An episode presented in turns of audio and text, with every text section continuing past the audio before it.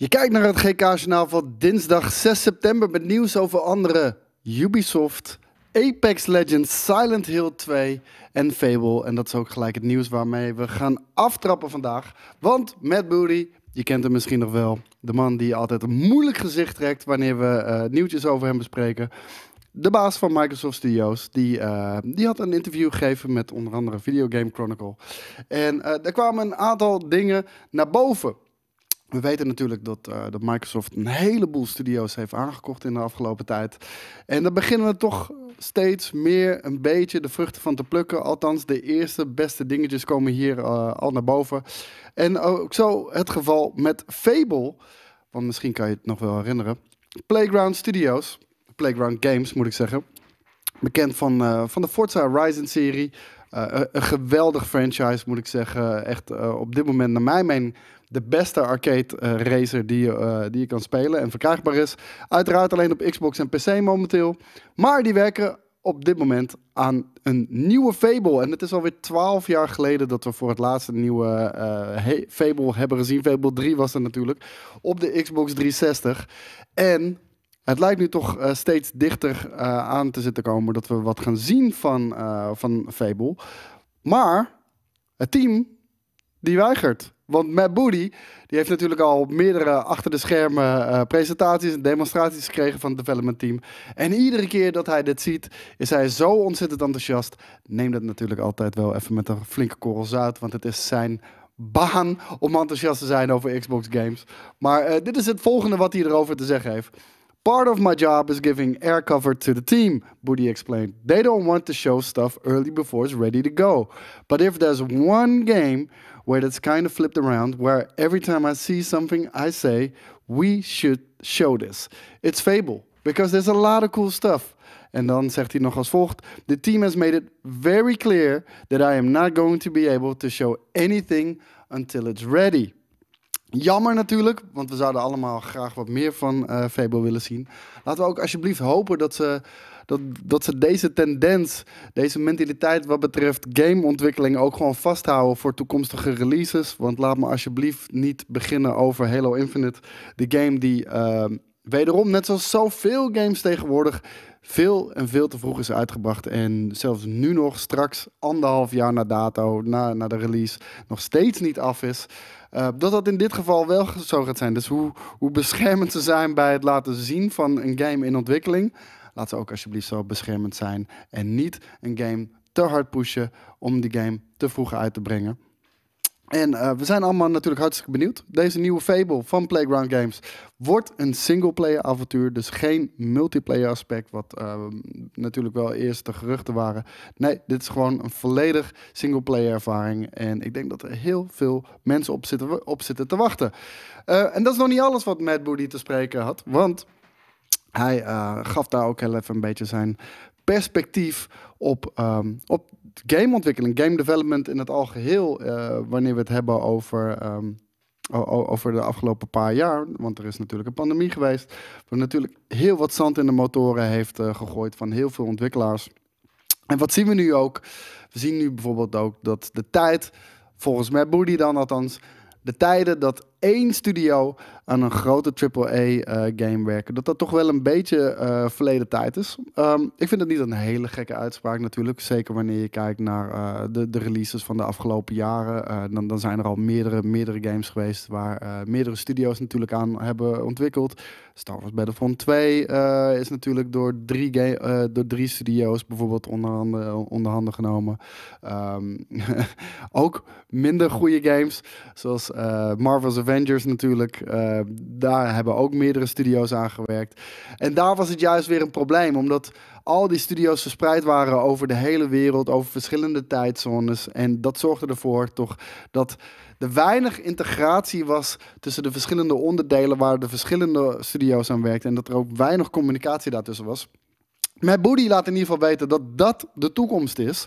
Dat dat wel uh, de weg is die we op dit moment aan bewandelen zijn. En hij haalde daarbij als voorbeeld aan uh, de Initiative. Want de Initiative die heeft natuurlijk aangekondigd aan een nieuwe Perfect Dark te werken. Perfect Dark werd natuurlijk eerst uh, ontwikkeld door Rare. Nou, we weten allemaal wel wat er denk ik met Rare is gebeurd onder, onder de vlag van, van Microsoft. Een ooit fameuze studio die werkelijk aan de top van de gaming-industrie stond.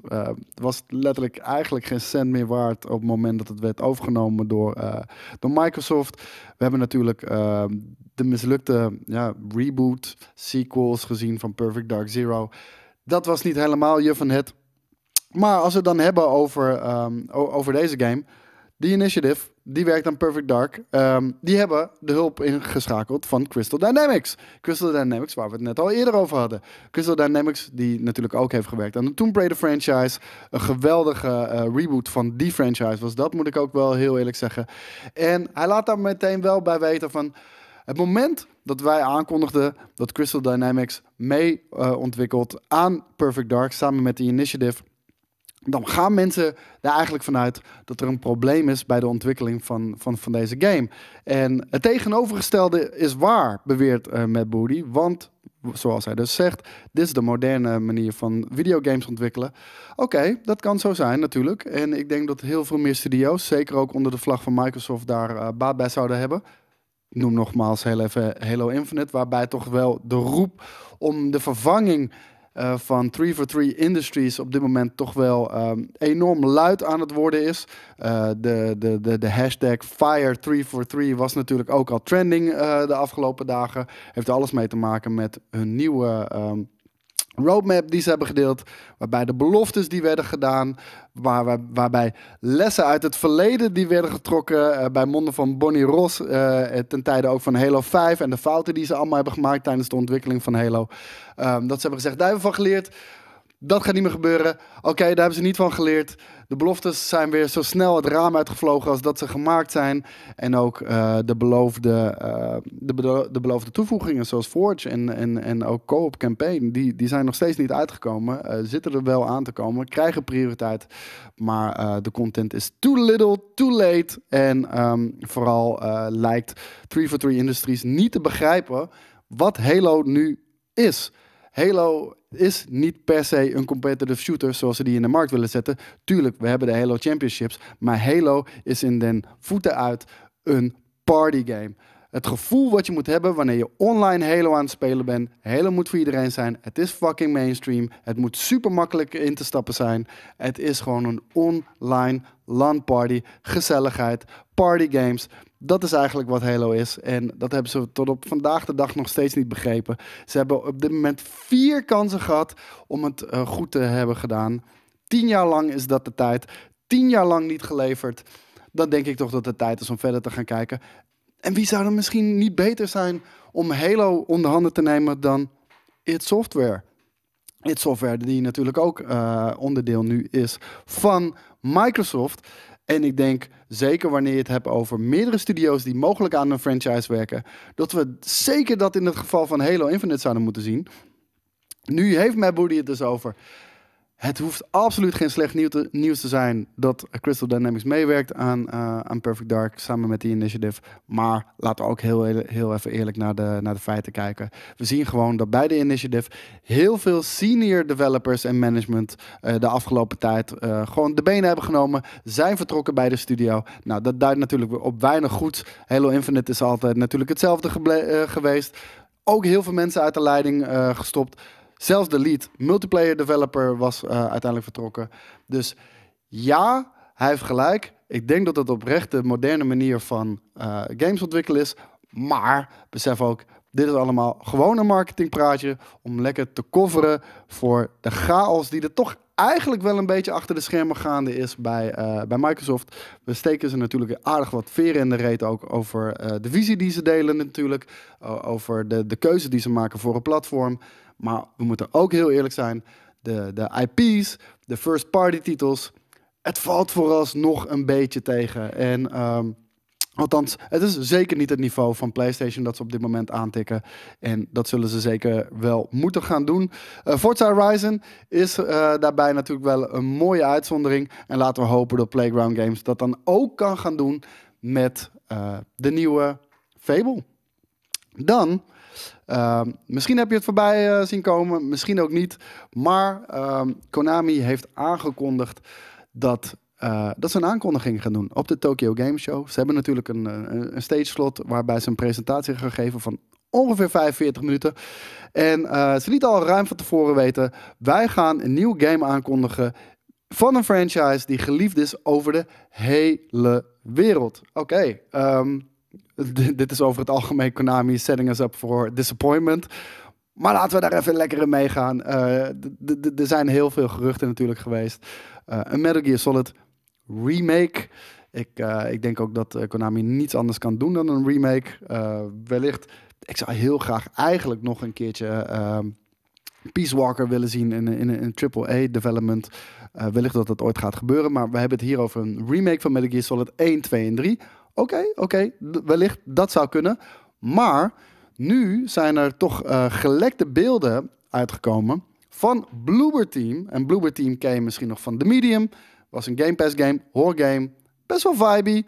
Leuke puzzels. Double. Um, niet fantastisch, maar uh, ik heb me er zeker mee vermaakt. Uh, ze hebben natuurlijk ook de Blair Witch games gemaakt. En de Layer of Fear series.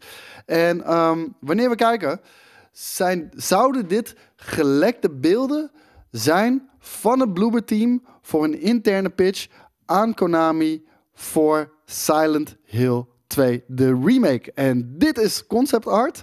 Dit is ook wat eruit is gekomen. Hiervan uh, kunnen we nog niet echt stellen of dit echt de daadwerkelijke uh, concept art is die Bloober Team heeft gedeeld. Maar we zien hier ook wel een aantal hele vage, blurry screenshots hoop ik dan toch, met, uh, met de game. Ja, hier zien we die.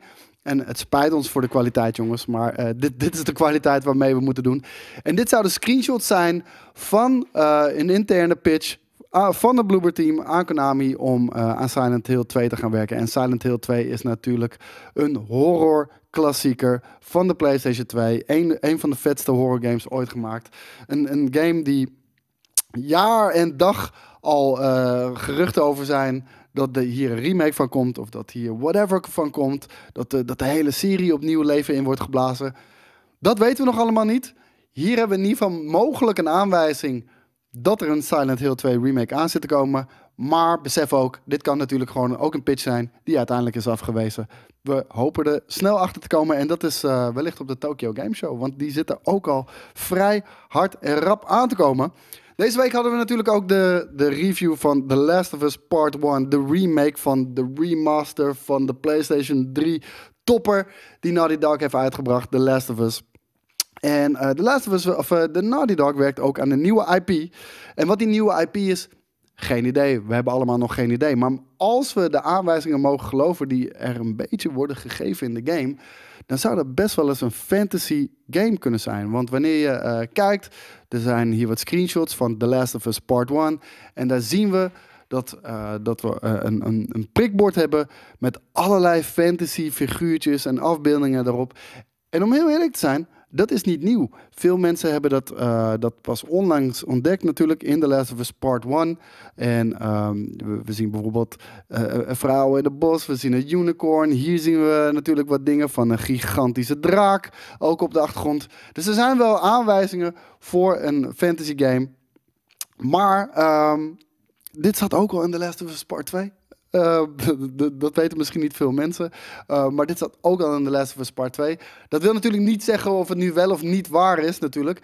Maar um, we gaan iets nieuws zien van uh, Naughty Dog. Ik ben heel benieuwd waarmee ze op de proppen komen, natuurlijk. Want hun afgelopen franchises waren, denk ik, eigenlijk allemaal wel voor PlayStation een schot in de roos. Wat het gaat opbrengen, we weten het nog niet. Hopelijk gaan we daar binnenkort meer van zien. Dan gaan we nu nog even door naar Apex Legends. Want Apex Legends zet een nieuw record. Een nieuw record op Steam met uh, maximaal aantal uh, gelijktijdige spelers. En dat was 329.014 spelers. Apex Legends natuurlijk een, een regelrecht succes van uh, ontwikkelaar Respawn. Die uh, ten tijde dat deze game werd uitgebracht eigenlijk direct lijnrecht tegenover uh, de, de, business practices stond van EA. Maar na uh, de mislukte launch En dat heeft vooral met, met scheduling te maken van uh, onder andere Titanfall. Twee keer achter elkaar is de, is de studio denk ik een beetje baldadig geworden. En hebben ze vooral een eigen plan getrokken. Want aan de kwaliteit van de games lag het nooit. En uh, Apex Legends was daar natuurlijk een van de eerste voorbeelden van. Samen ook natuurlijk met Star Wars Jedi Fallen Order. Die ook echt een volledig eigen gang, uh, een eigen kant op ging. Ten opzichte van het beleid dat EA op dat moment voerde. Op dit moment hebben we Season 14 Hunted, die is uitgekomen en het heeft voor een nieuwe soort van uh, players gezorgd. Apex Legends. Het is denk ik toch wel, het, ik moet zeggen, ik speel het niet veel, maar elke keer als ik het kijk, ik heb toch wel heel erg sterk het gevoel dat dit op dit moment de beste Battle Royale is die je kan gaan spelen. Uh, het is extra bijzonder dat ze, dat ze deze, dit nieuwe record hebben gehaald, want er was er best wel een, uh, een boycott gaande op Reddit, waarbij er werd opgeroepen om Apex Legends te gaan boycotten, omdat er de laatste tijd net iets te veel bugs en wat matchmaking problemen in de game zaten. Maar uh, over het algemeen, de mainstream heeft zich daar niets van aangetrokken. En is keihard in het nieuwe seizoen gedoken. En uh, patch af voor Respawn natuurlijk. En voor Apex Legends. Uh, dat ze deze game vandaag de dag nog steeds zo populair weten te houden. In een tijd waarin we heel veel Battle Royales al hebben zien falen. En dan zijn we alweer bij het laatste nieuws aangekomen. En dat is dat Ubi Forward een showcase gaat geven deze week. Op 10 september is dat. En um, als ik het niet verkeerd heb, is dat 9 uur Nederlandse tijd. Correct me if I'm wrong. Um, gaan ze een presentatie geven. En dat voelt misschien wel een beetje gek, moet ik zeggen. Want we hebben natuurlijk afgelopen, nou, de afgelopen twee weken hebben we natuurlijk de Gamescom gehad. Wat naar mijn mening misschien wel een perfect uh, moment was geweest om natuurlijk deze aankondigingen te gaan doen. Ik begrijp dat je dat misschien niet wil doen in de, in de Jeff Keighley show van Gamescom Opening Night Live. Dat je echt een eigen momentje wil hebben. Maar toch, weet je, laten we alsjeblieft dat E3-gevoel, dat Gameburst-gevoel vasthouden. En in ieder geval de presentaties een beetje concentreren op één moment. Zodat we samen met de community nachten door kunnen halen. Voorbeschouwingen kunnen doen. Want al deze losse vlodders wordt een beetje lastig om ook te gaan produceren natuurlijk. Maar wat mogen we gaan verwachten? Um, uiteraard de nieuwe Assassin's Creed Mirage. Uh, die is natuurlijk uh, ja, een soort van uit de doeken gedaan. Er is een hele kleine tease uh, geweest waarbij we toch kunnen gezien dat Assassin's Creed zich gaat afspelen in Bagdad. Het gaat een scaled-down version worden van Assassin's Creed. Ik denk dat dat heel slim is. De serie gaat terug naar zijn roots. Geen level gating ook meer. Minder RPG-elementen. Meer stealth-actie. Ik ben, uh, ik ben reuze benieuwd. Daarnaast gaan we ook nog meer zien van Skull and Bones. Natuurlijk de game die wel heel groot op de, op de Gamescom stond. En een Mario plus Rabbit show. Er is ook nog een pre-show die begint uh, ongeveer een half uur van tevoren. En daar krijgen we wat updates uh, van games te zien. Zoals onder andere Anno 1800, Brawlhalla, For uh, en The Crew 2. En nog een aantal andere games. 10 september dus. Jammer dat ze dit niet hebben gedaan op de Gamescom. Wellicht hadden we dan ook nog een interviewtje wellicht kunnen fixen op de Gamescom. Dat was helaas niet het geval. We kijken ernaar, 10 september. En zodra wij meer weten, weet jij het ook. Bedankt voor het kijken van dit GK-journaal. En tot de volgende keer, jongens. Ciao.